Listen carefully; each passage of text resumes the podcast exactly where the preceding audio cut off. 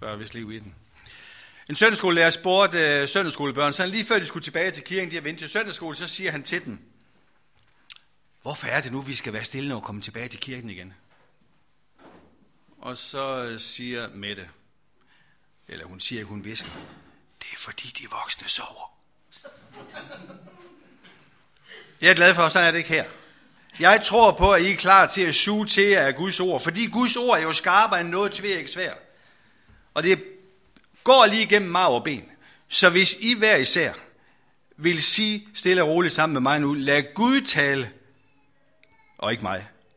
For jeg har egentlig ikke ret meget, jeg skal have sagt. Men hvis ikke Gud forvandler tingene, så bliver det ikke til liv. Det kan godt blive til en masse ord, men hvis ikke Gud forvandler ord til liv, så bliver det ikke til så meget. Så lad os lige bede fælles om det. Far, jeg er så glad for at vide, at du er sammen med os. Og jeg beder dig om, du på din fantastiske måde, du som kender hver enkelt menneske, du kan tale lige direkte ind i vores liv. Du kan skabe forandringer. Du kan skabe nyt liv. Herre, du som kender den enkelte nu, jeg beder dig om, at det, som vi skal være sammen også om her i forkyndelsen, men også i det hele taget her i gudstjenesten, at vi må opleve, at du taler til os. Så det ikke bliver bare en, et fællesskab med mennesker, men det er et fællesskab med dig også.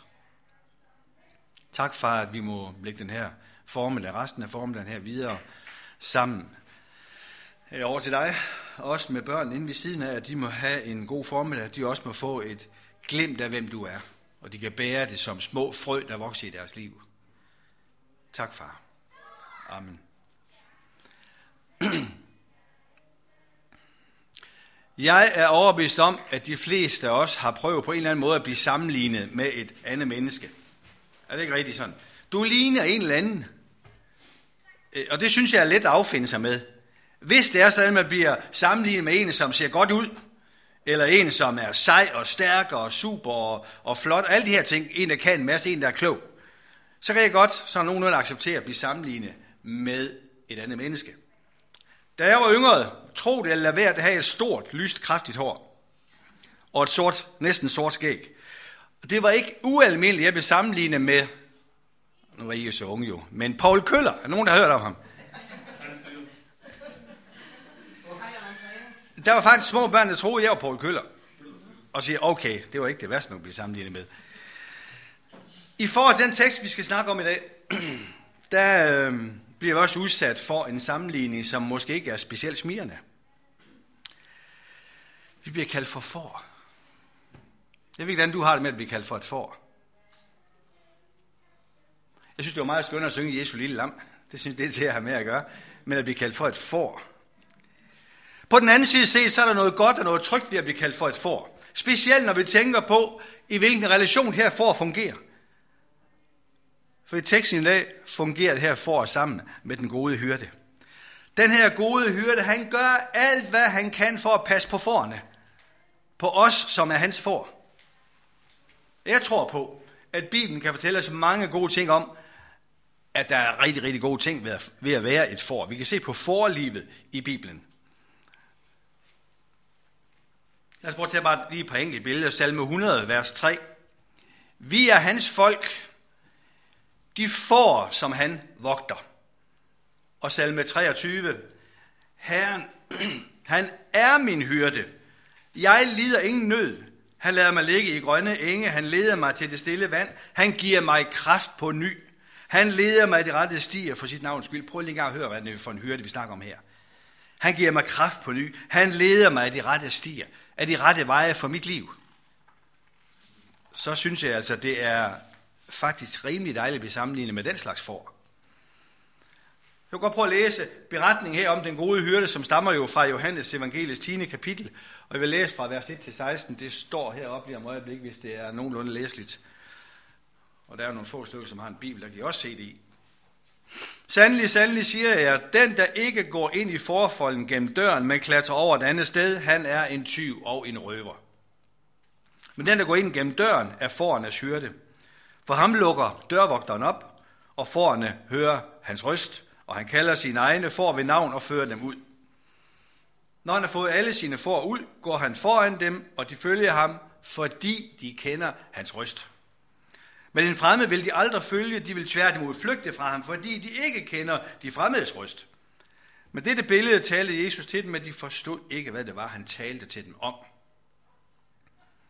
Jesus sagde der igen, sandelig, sandelig. Når Jesus han bruger det her ord, sandelig, sandelig, så fordi, hør nu lige efter, nu er der altså noget vigtigt, jeg vil sige til jer. Sandelig, sandelig siger jeg, jeg er døren til forne. Alle de, der er kommet før mig, er tyve og røver, men forne hørte ikke på den. Jeg er døren, den der går ind gennem mig skal blive frelst. Han skal gå ind og gå ud og finde græsgange. Tyven kommer kun for at stjæle og slagte og ødelægge. Jeg er kommet for, at de skal have liv og have liv i overflod. Jeg er den gode hyrde. Den gode hyrde sætter sit liv til for forne. Den, der er daglejer og ikke hyrde og ikke selv ejer forne, ser ulven komme og lader forne i stikken og flygter, og ulven går på rov i blandt dem og jager dem fra hinanden.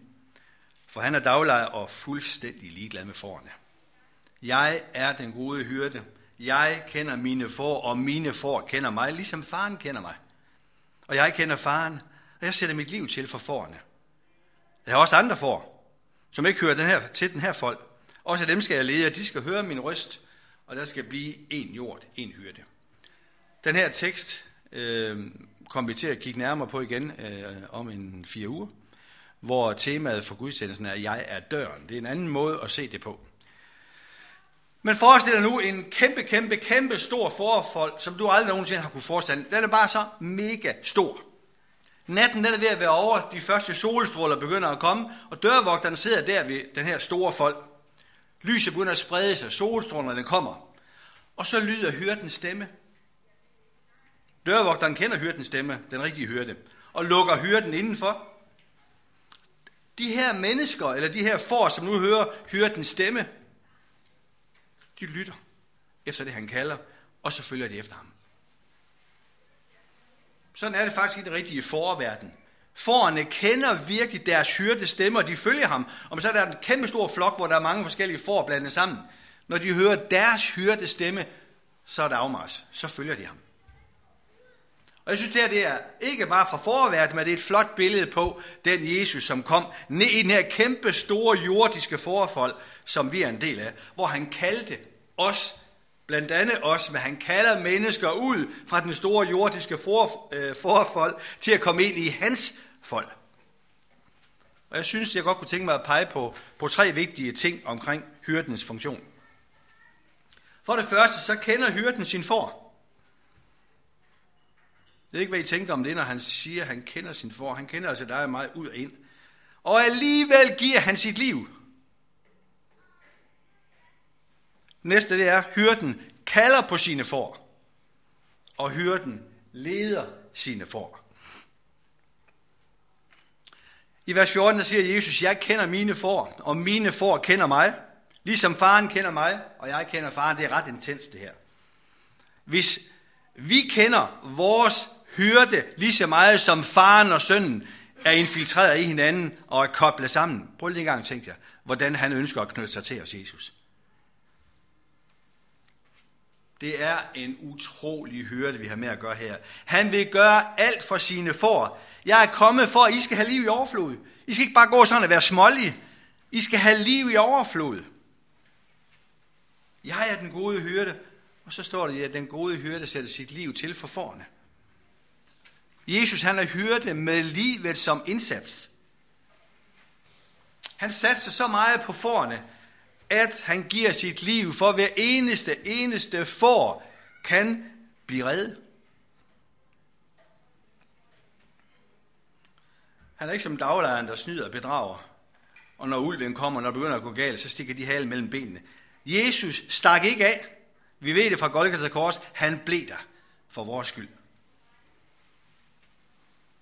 Han er klar til at dø for forvildede for. Jeg ved ikke, om nogen nogensinde oplever dig selv forvildet frustreret. For der er fyldt med fejl og mangler. Hvis vi prøver at se på vores eget liv. Alligevel, uanset hvad Jesus han ser, ham som kender forerne, så var han villig, også når han ser ind i fremtiden og ser vores liv, så var han villig til at dø for os. Han var villig til at dø for, for alt. Og intet er skjult for, for øh, forhørten. Intet. Der er ikke noget i dit liv, som er, er skjult for ham. Intet. Han kender Fornet, han kender dine svagheder, mine svagheder, mine fejl, mine fristelser, min synd. Det gode, som jeg ikke gør. Han kender det onde, som jeg gør. Alt ligger åbent for hyrden. Han ved alt om dig. Og jeg ved ikke, om, om, om vi overhovedet forstår det her. Ham, der kender alt om os, og så alligevel stiller han op til at dø i vores sted. Altså, jeg har svært ved at begribe det. Men det er så også, fordi jeg kun kan tænke som et ganske almindeligt jordisk menneske, hvad Jesus han var villig til at gøre. Gud så på den her jord. Han satte den største redningsaktion i gang, der nogensinde har været på den her jord. Fordi han ønskede at redde hver eneste lille får. Jesus kendte, og han kender forerne. Han ved lige nøjagtigt, hvordan vi er, intet er skjult for ham. Det er jo fantastisk. Paulus, han siger noget, der er meget skarpt lige omkring det her ting, vi har nævnt her i Romerbrevs 5. kapitel, vers 6-8. Der siger Paulus, For mens vi øh, endnu var svage, døde Kristus for ugudeligt, da tiden var inde. Der er næppe nogen, der vil gå i døden for en retfærdig. Måske vil man våge liv for en, som er god. Men Gud viser sin kærlighed til os ved at Kristus døde for os, mens vi, nu var, mens vi stadigvæk var syndere. Jeg synes, det her vers helt fantastisk sætter fokus på, hvad er det for en hyrde, vi tilhører. Hvornår var det, han kom? Var det gang, vi begyndte at sidde og forsøge at gøre en masse gode gerne og, og rigtige til os, som vi tror, han gerne vil se os? Var det der, han kom og sagde, nu vil jeg godt give mit liv for jer? Han kom, da vi bøvlede i livet. Han kom, da vi var sønder. Han kom for at redde os ud af det. Midt i vores snavsede verden, der kom hyrden og friede os ud af mørkets magt, som det står, og flyttede over i hans søns rige, over i hans forfold. Jeg synes, det er befriende, at Jesus ved alt om os. Fordi vi behøver ikke være bange for, puh, jeg kan vidste om det, han opdager, hvordan det går i mit liv. Han ved på forhånd, hvordan det er, og alligevel, på trods af, så elsker han os. Men han ønsker også, at vi skal komme ind i et liv, som vi selv kan holde ud til at leve. Jeg er glad for, at jeg ikke skal gå og være bange for, at, at Jesus en dag oplever, oplever eller opdager mine skyggesider. Jeg ved, at han kender den, og alligevel, at han elsker mig. Det gode hyrde kender sin for, og han kalder på den. For de får nemlig givet ham af sin far. Hvordan kalder han sig på den? Har I nogensinde oplevet det selv? Har I nogensinde oplevet den gode hyrde, der har kaldt på jer?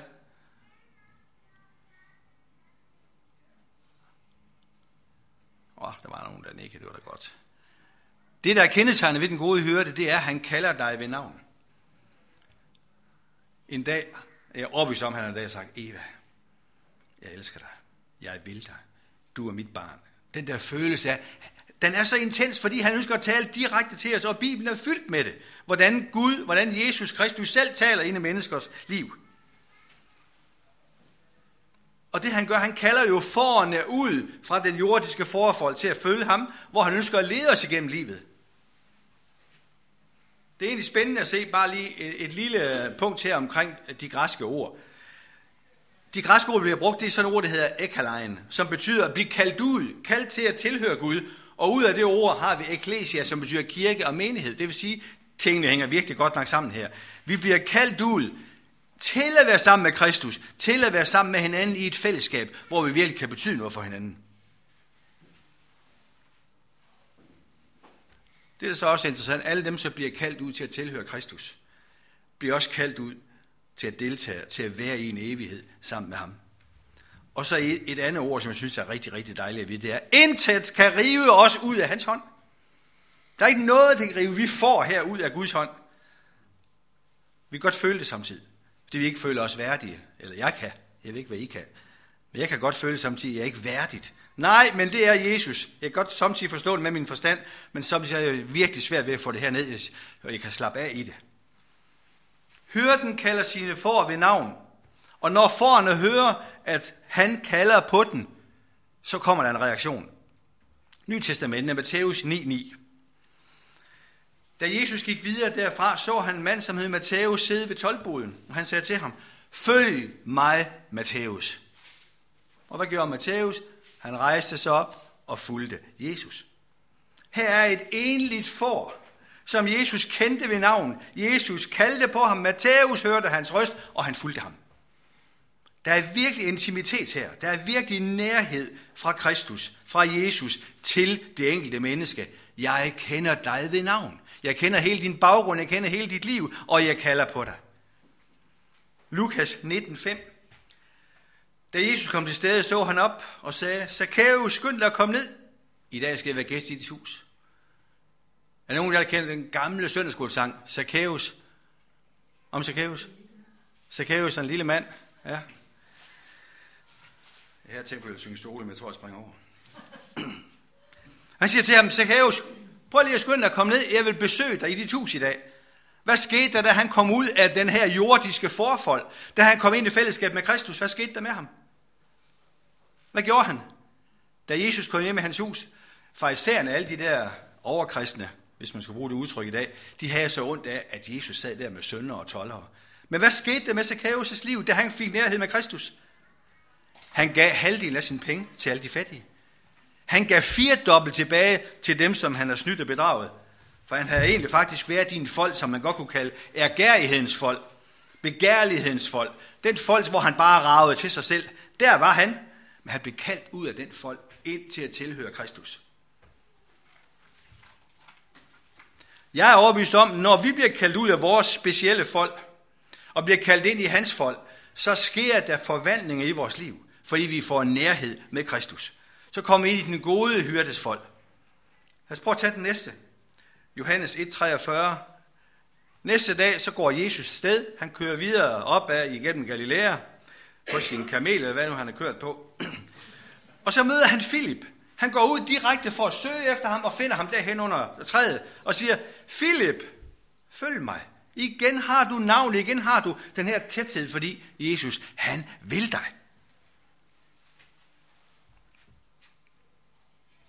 Jesus, nej, Filip hørte stemmen fra hyrden, og han fulgte ham. Johannes 11 har et endnu mere slående eksempel. Eksempel, som jeg ved godt, I kender, men alligevel vil jeg godt nævne det. Lazarus er død. Han er ikke inde i graven 3-4 dage, og jeg er helt sikker på, at han lugter ikke specielt godt. Han er faktisk nærmest på vej til at være pillerøden. Og alligevel så lyder stemmen fra, fra Jesus, Nas, eller Lazarus, kom herud. Og hvad skete der ifølge Bibelen? Jeg tror fuldt og fast på, at det skete. Jeg kan ligefrem se det for mig, når han kommer ud og være vikle ind i alle hans klude, alle hans ting og sager, så springer han ud af graven, fordi Jesus kalder. Jeg synes, det er et flot eksempel på. En dag, der vil Jesus kalde alle de troende, andre, der tror, at Jesus Kristus er Guds søn og verdens frelse, der vil han kalde dem ud fra gravene, og de skal høre hans stemme, og de skal stille op til en evighed sammen med ham. Det er da fantastisk at tænke på. Det sidste eksempel er også et rigtig godt eksempel, når vi tager det fra Bibelen. Så, vi, så har vi alle vores hverdagsoplevelser, hvor han kalder. Hvor Jesus, han, øh, eller hvor Maria Magdalene stiller op ude ved graven. Hun kommer derud. Stenen, der lukker af for graven, så en rullesten, man har rullet hen foran, er væk. Og Jesu læme er væk. Hun er totalt i chok. Hun står derude foran graven, og hun græder. Hun er knust. Alt er gået i stykker for hende. Ham der Jesus, som hun i den grad havde set op til, er bare væk. Jeg ved ikke, hvad hun har tænkt, men hun har haft nogle forfærdelige tanker. Et øjeblik efter, så kommer gardneren, tror hun. Hvornår er det, at hun begynder at genkende Jesus? Hun så manden, der kom der. Det var en gardner. Ja, hallo gardner. Hvor er Jesus hen, ikke? Hvornår var det, hun genkendte ham? Det var dengang, Jesus nævnte, hun kaldte hende ved sit navn, Maria. Og så siger, han, så siger hun Rabuni, som betyder mester. Hun ser virkelig, at her er hyrden og alle hyrde. Hun møder Kristus og har fulgt hende helt, selvfølgelig hele sit liv. Jeg synes, der er masser af eksempler i Bibelen på, at når Jesus han kalder, så kalder han mennesker ved navn. Han vil så gerne have det her helt tætte, intime forhold. Han kalder os ud fra folden, vi er i, til at være sammen med ham i hans fællesskab. Er der forskel på den gang og nu? Jeg tror ikke på det. Jeg tror, Jesus kalder lige nøjagtigt på dig og ønsker, at du skal træde ud af den folk, som på en eller anden måde måske kan binde dig. Fordi han ser noget stort i dig. Han har store planer med dit liv. Hvis ellers du bare selv vil falde ind i de planer og følge ham. Matthæus, kom her. Zacchaeus, kom her. Philip, kom her. Maria, kom her. Birte, kom her. Robert. Han kalder på den enkelte af os. Han ønsker at kalde os ud af den forfold, som vi går i. Og det kan være mange, mange forskellige forfold, vi går i. Men det er fantastisk, at jordens og himlen skaber, den treenige Gud, kalder dig ud til et personligt fællesskab. Et fællesskab, som vil knytte dig til ham, ikke bare nu. Evigheden begynder allerede her, fordi det står ved, og det bliver ved.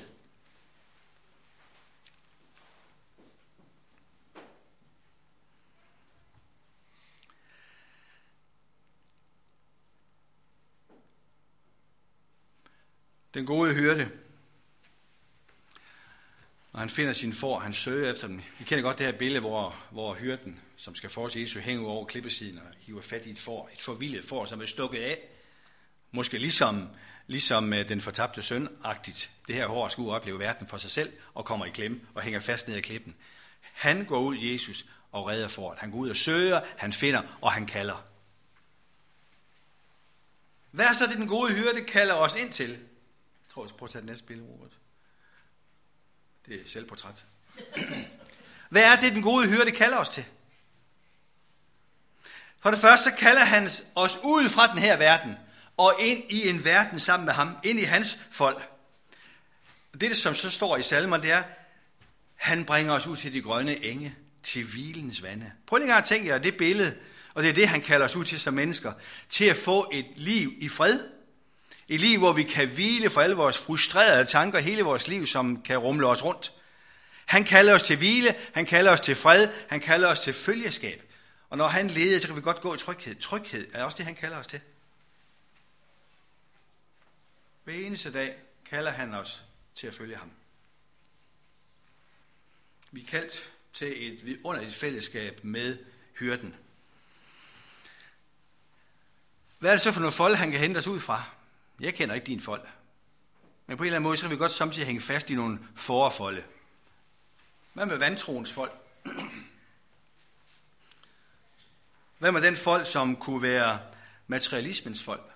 Den, der binder os så meget til det materielle gode i det her liv, at det ligesom er det, der kører først. Hvad med egoismens folk? Angstens folk, frygtens folk. Der kan være så mange folde, som vi er knyttet op til. Og så er det, han kommer og siger, Nils, kom ind i min folk. Slip nu alt det der, som binder dig i den folk, du er i. Hvad nu det for noget, vi kan gå med? Han kalder os konstant ud til fællesskab med ham. Men jeg har i hvert fald tendens til samtidig vil ind i min egen folk. Og selvom jeg ved på forhånd, det går bare rivende galt. Der, hvor det virkelig er værd at leve livet, det er i hans folk at være sammen med ham. Fordi det andet, at være de der folde, at være bundet med bisler, hvad nu man er bundet med, det, det er ikke det bedste sted at være. Men jeg tror godt, at vi hver især kan opleve, at vi har været eller er i en eller anden ting, som vi ønsker.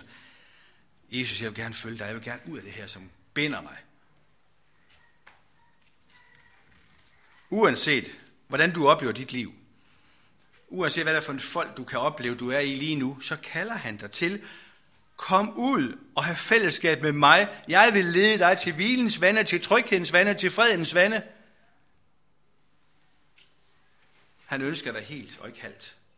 Han ønsker et liv sammen med dig virkelig intenst. Det er derfor, han bruger dit navn. Han har nærhed med dig. Han ønsker, at du skal følge ham hele vejen. Hele vejen gennem livet skal du følge den store forflok. Den, som også Bibelen kalder for den store hvide flok. Og en gang, så skal den her store hvide forflok samles for altid.